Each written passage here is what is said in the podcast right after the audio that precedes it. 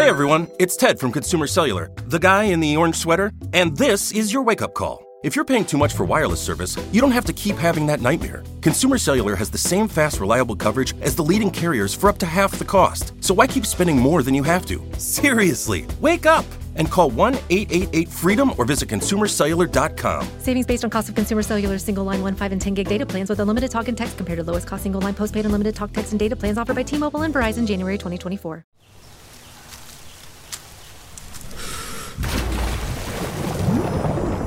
شبكة فينيان للإعلام.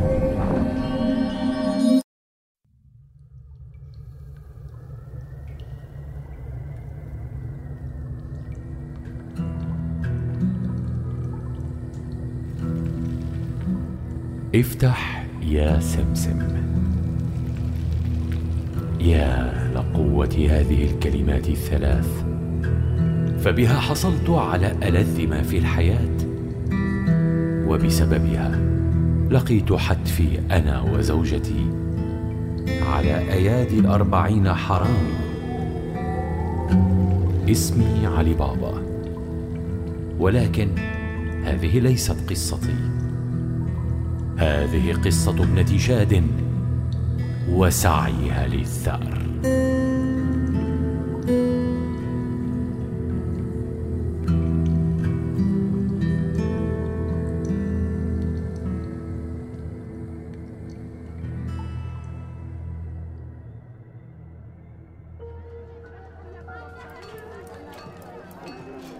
دخلت شاد إلى القرية الصغيرة لترى بعض المنازل المتواضعة وحفنات قليلة من سكانها يمضون أعمالهم. سمعت أصوات طنين الحديد ورأت دخانا يتصاعد من الطرف الآخر من القرية. أنت توقف. أوقفت شاد رجلا يبيع ذرة مغلية بعربة منهكة. واشترت منه كوز ذرة التهمته بشراهة. تبدين جائعة. هل تريدين المزيد؟ أنا أبحث عن أحد سكان هذه القرية. رجل بوشم على عنقه. استنزف اللون من وجه بائع الذرة وقال بخوف. ماذا؟ ماذا تريدين منه؟ تعرف الرجل الذي أقصده إذن؟ توجهت عينا البائع إلى السيف المعلق على خصر شاد مهما كان سببك للبحث عنه انسيه وارحلي من هذه القرية. عبست شاد بانزعاج وأجابت. قل لي من هو ودعني أنا أقرر ما أفعل بعد ذلك. كما تريدين يا فتاة. الرجل الذي تبحثين عنه هو الحداد. ويسكن في آخر منزل في القرية. اتبعي الطنين والدخان وستجدينه. عند وصولها لآخر المنازل وجدت ورشة مليئة بجميع أنواع الحديد ورجلا ضخم البنية. ذا لحية طويلة يدق سيفا فولاذيا مشتعلا.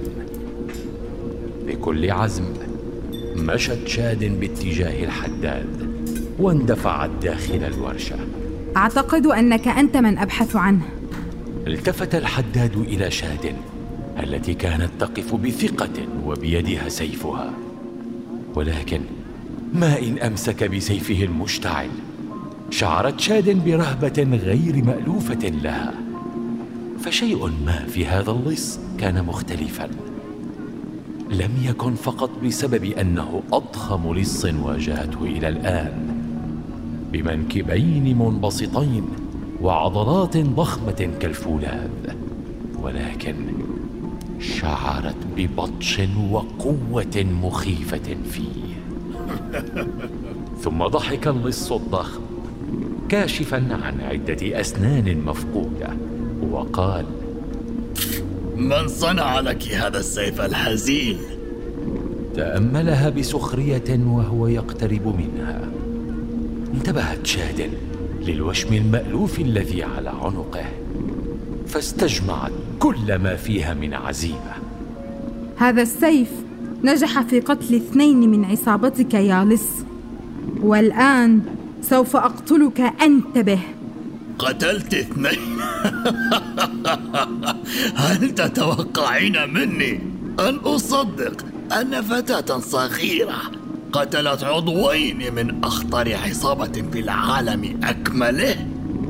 عندها قامت شاد باستخراج الرسالة التي كانت من الحداد إلى داوود ورمتها له أمسكها الحداد بتعجب ونظر إلى شاد ليسمعها تقول. ثقبت عنق صديقك بسهم. رافعا سيفه فوق رأسه.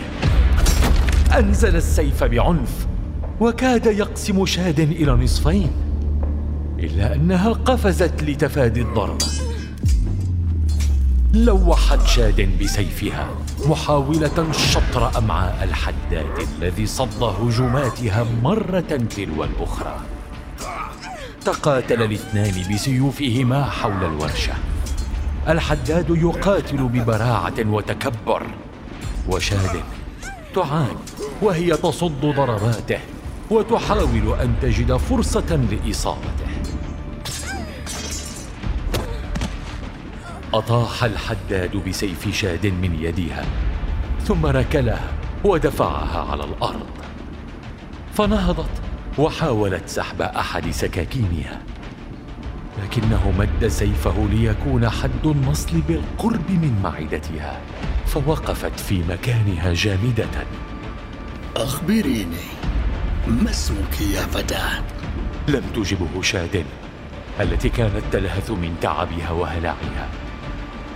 اقترب الحداد منها ورفع السيف إلى عنقها ثم مد يده لفك درعها فانتهزت الفرصة.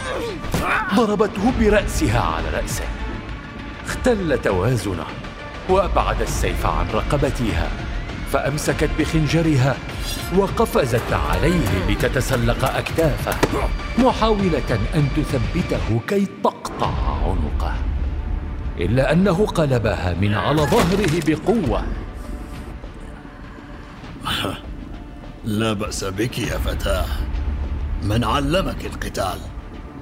هوت شاد على الأرض بالقرب من مدخل الورشة أمام المرة الذين كانوا قد تجمعوا إلا أنه لا أحد تجرأ على مساعدتها. حاولت أن تنهض ولكن الحداد شدها من شعرها. ورماها على حائط الورشة فارتطمت رأسها ونزفت بألم. من أنت يا فتاة؟ وما غايتك من محاولة قتل الأربعين؟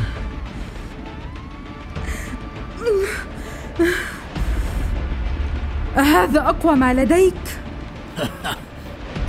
أمسك الحداد بمطرقة حديدية مشتعلة وحاولت شاد النهوض. لكنها لم تستطع. فانحنى الحداد وثبتها على الأرض بوضع ركبته على عنقها. إذا قتلت اصدقائي كما تقولين؟ فعلي أن اثار لهم. لن تنفذ منك. مدت شاد بذراعها نحو مجموعة حطب مرمية بالقرب منها. لتحاول الإمساك بأحدها بينما أمسك الحداد بالمطرقة بجانب وجه شاد التي حاولت أن تبتعد عن المطرقة بدون جدوى. لنبدأ بوجهك الناعم.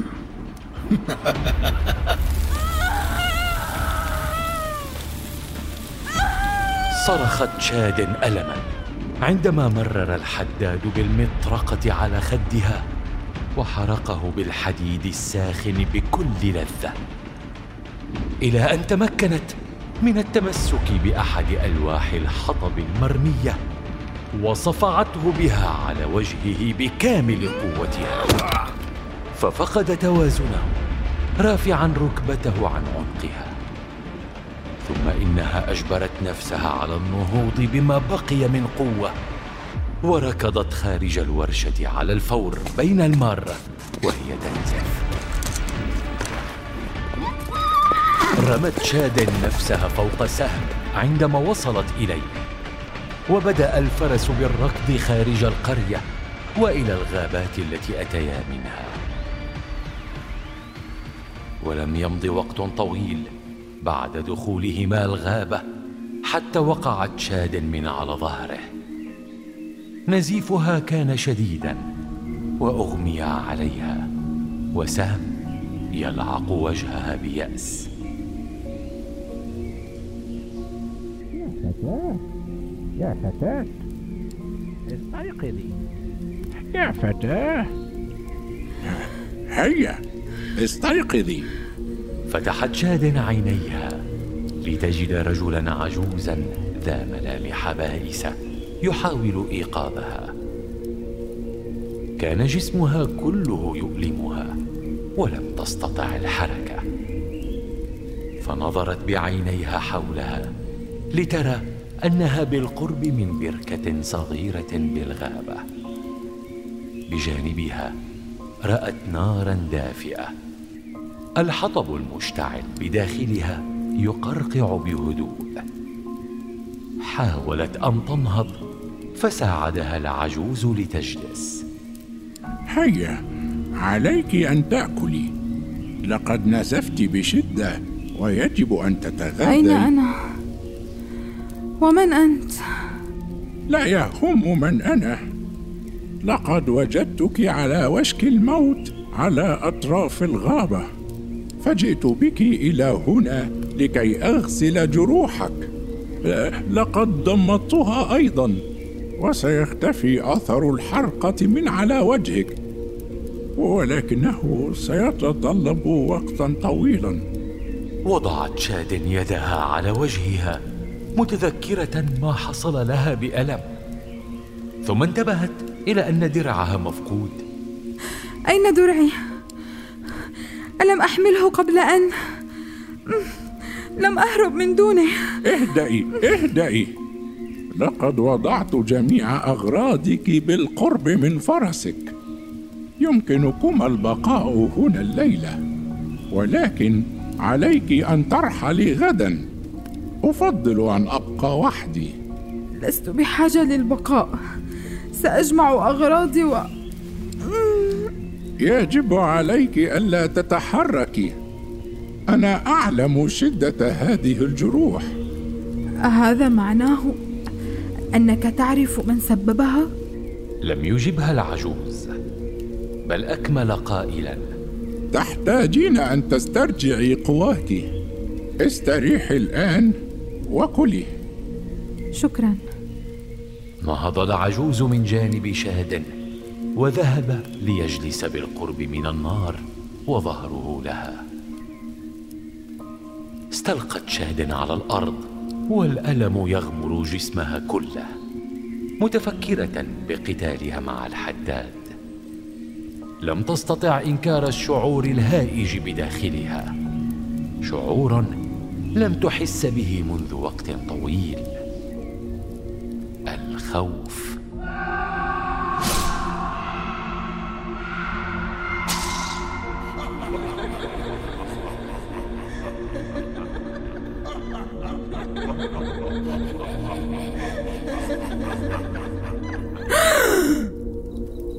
استيقظت شاد مرة أخرى بفزع من كابوسها المتكرر. ألقت النظر على العجوز الذي كان نائما بجانب البركة ثم إلى سام الذي كان نائما بدوره قرب الشجرة المربوط إليها. بصعوبة أجبرت شاد نفسها على النهوض ومضت تعرج إلى ضفة البركة الساكنة.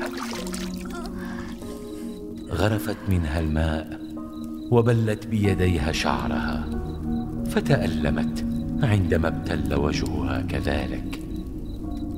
بدأت تتساقط دموعها فمسحتها بانزعاج قبل أن تشعر بالدمع المالح على جرحها. كفي عن البكاء كفي عن البكاء. ضمت ساقاها ووضعت رأسها على ركبتيها. ثم أغمضت عينيها محاولة تهدئة نفسها. شعرت وكأنها عادت إلى صغرها. طفلة لا تقوى على الدفاع عن نفسها في أتفه المواقف. أخذها تفكيرها المحبط إلى الماضي عندما كانت تبلغ ثلاث عشرة سنة. وكانت تحاول الهروب من أحد المراهقين في الإسطبل بعد تدريب الفروسية. كانت تحاول أن تبقي بوابة الإسطبل مغلقة ولكن المراهق دفع الباب وأسقطها على الأرض. ألم أقل لك أنك سوف تندمين إذا لمست فرسي من جديد؟ إنه ليس ليس ملكا لك. ماذا قلت؟ لم أسمعك. أنت تتلعثمين بالكلام مثل الأطفال.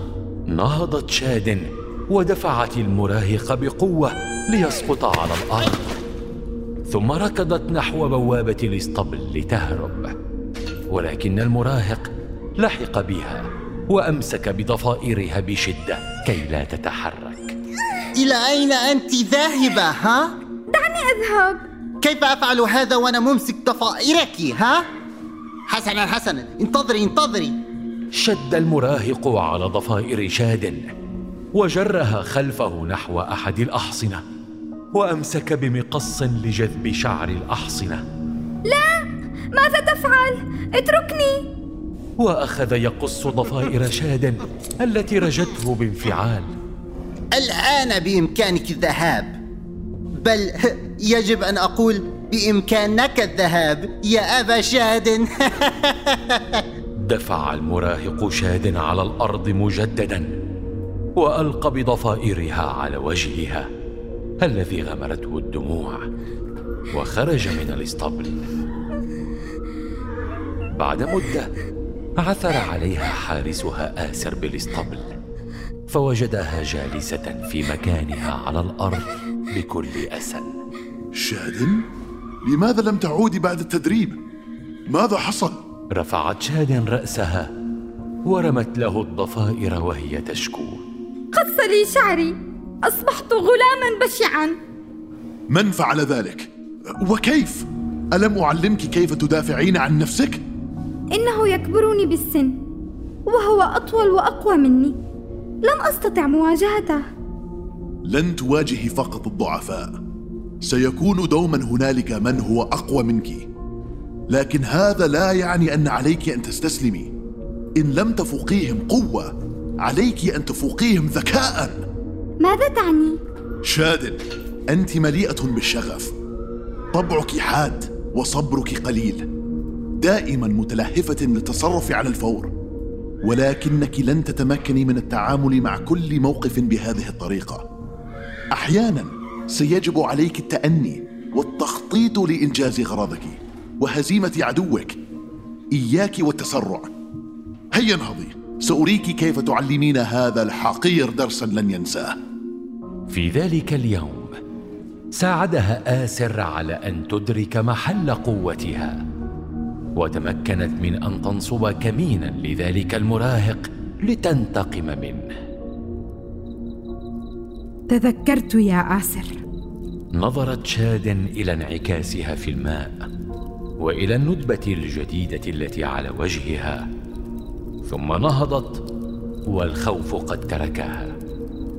قد أبعدته كلمات آسر عزمت على أنها ستعود إلى الحداد وتقتله. كل ما عليها اولا هو إيجاد طريقة للفتك به.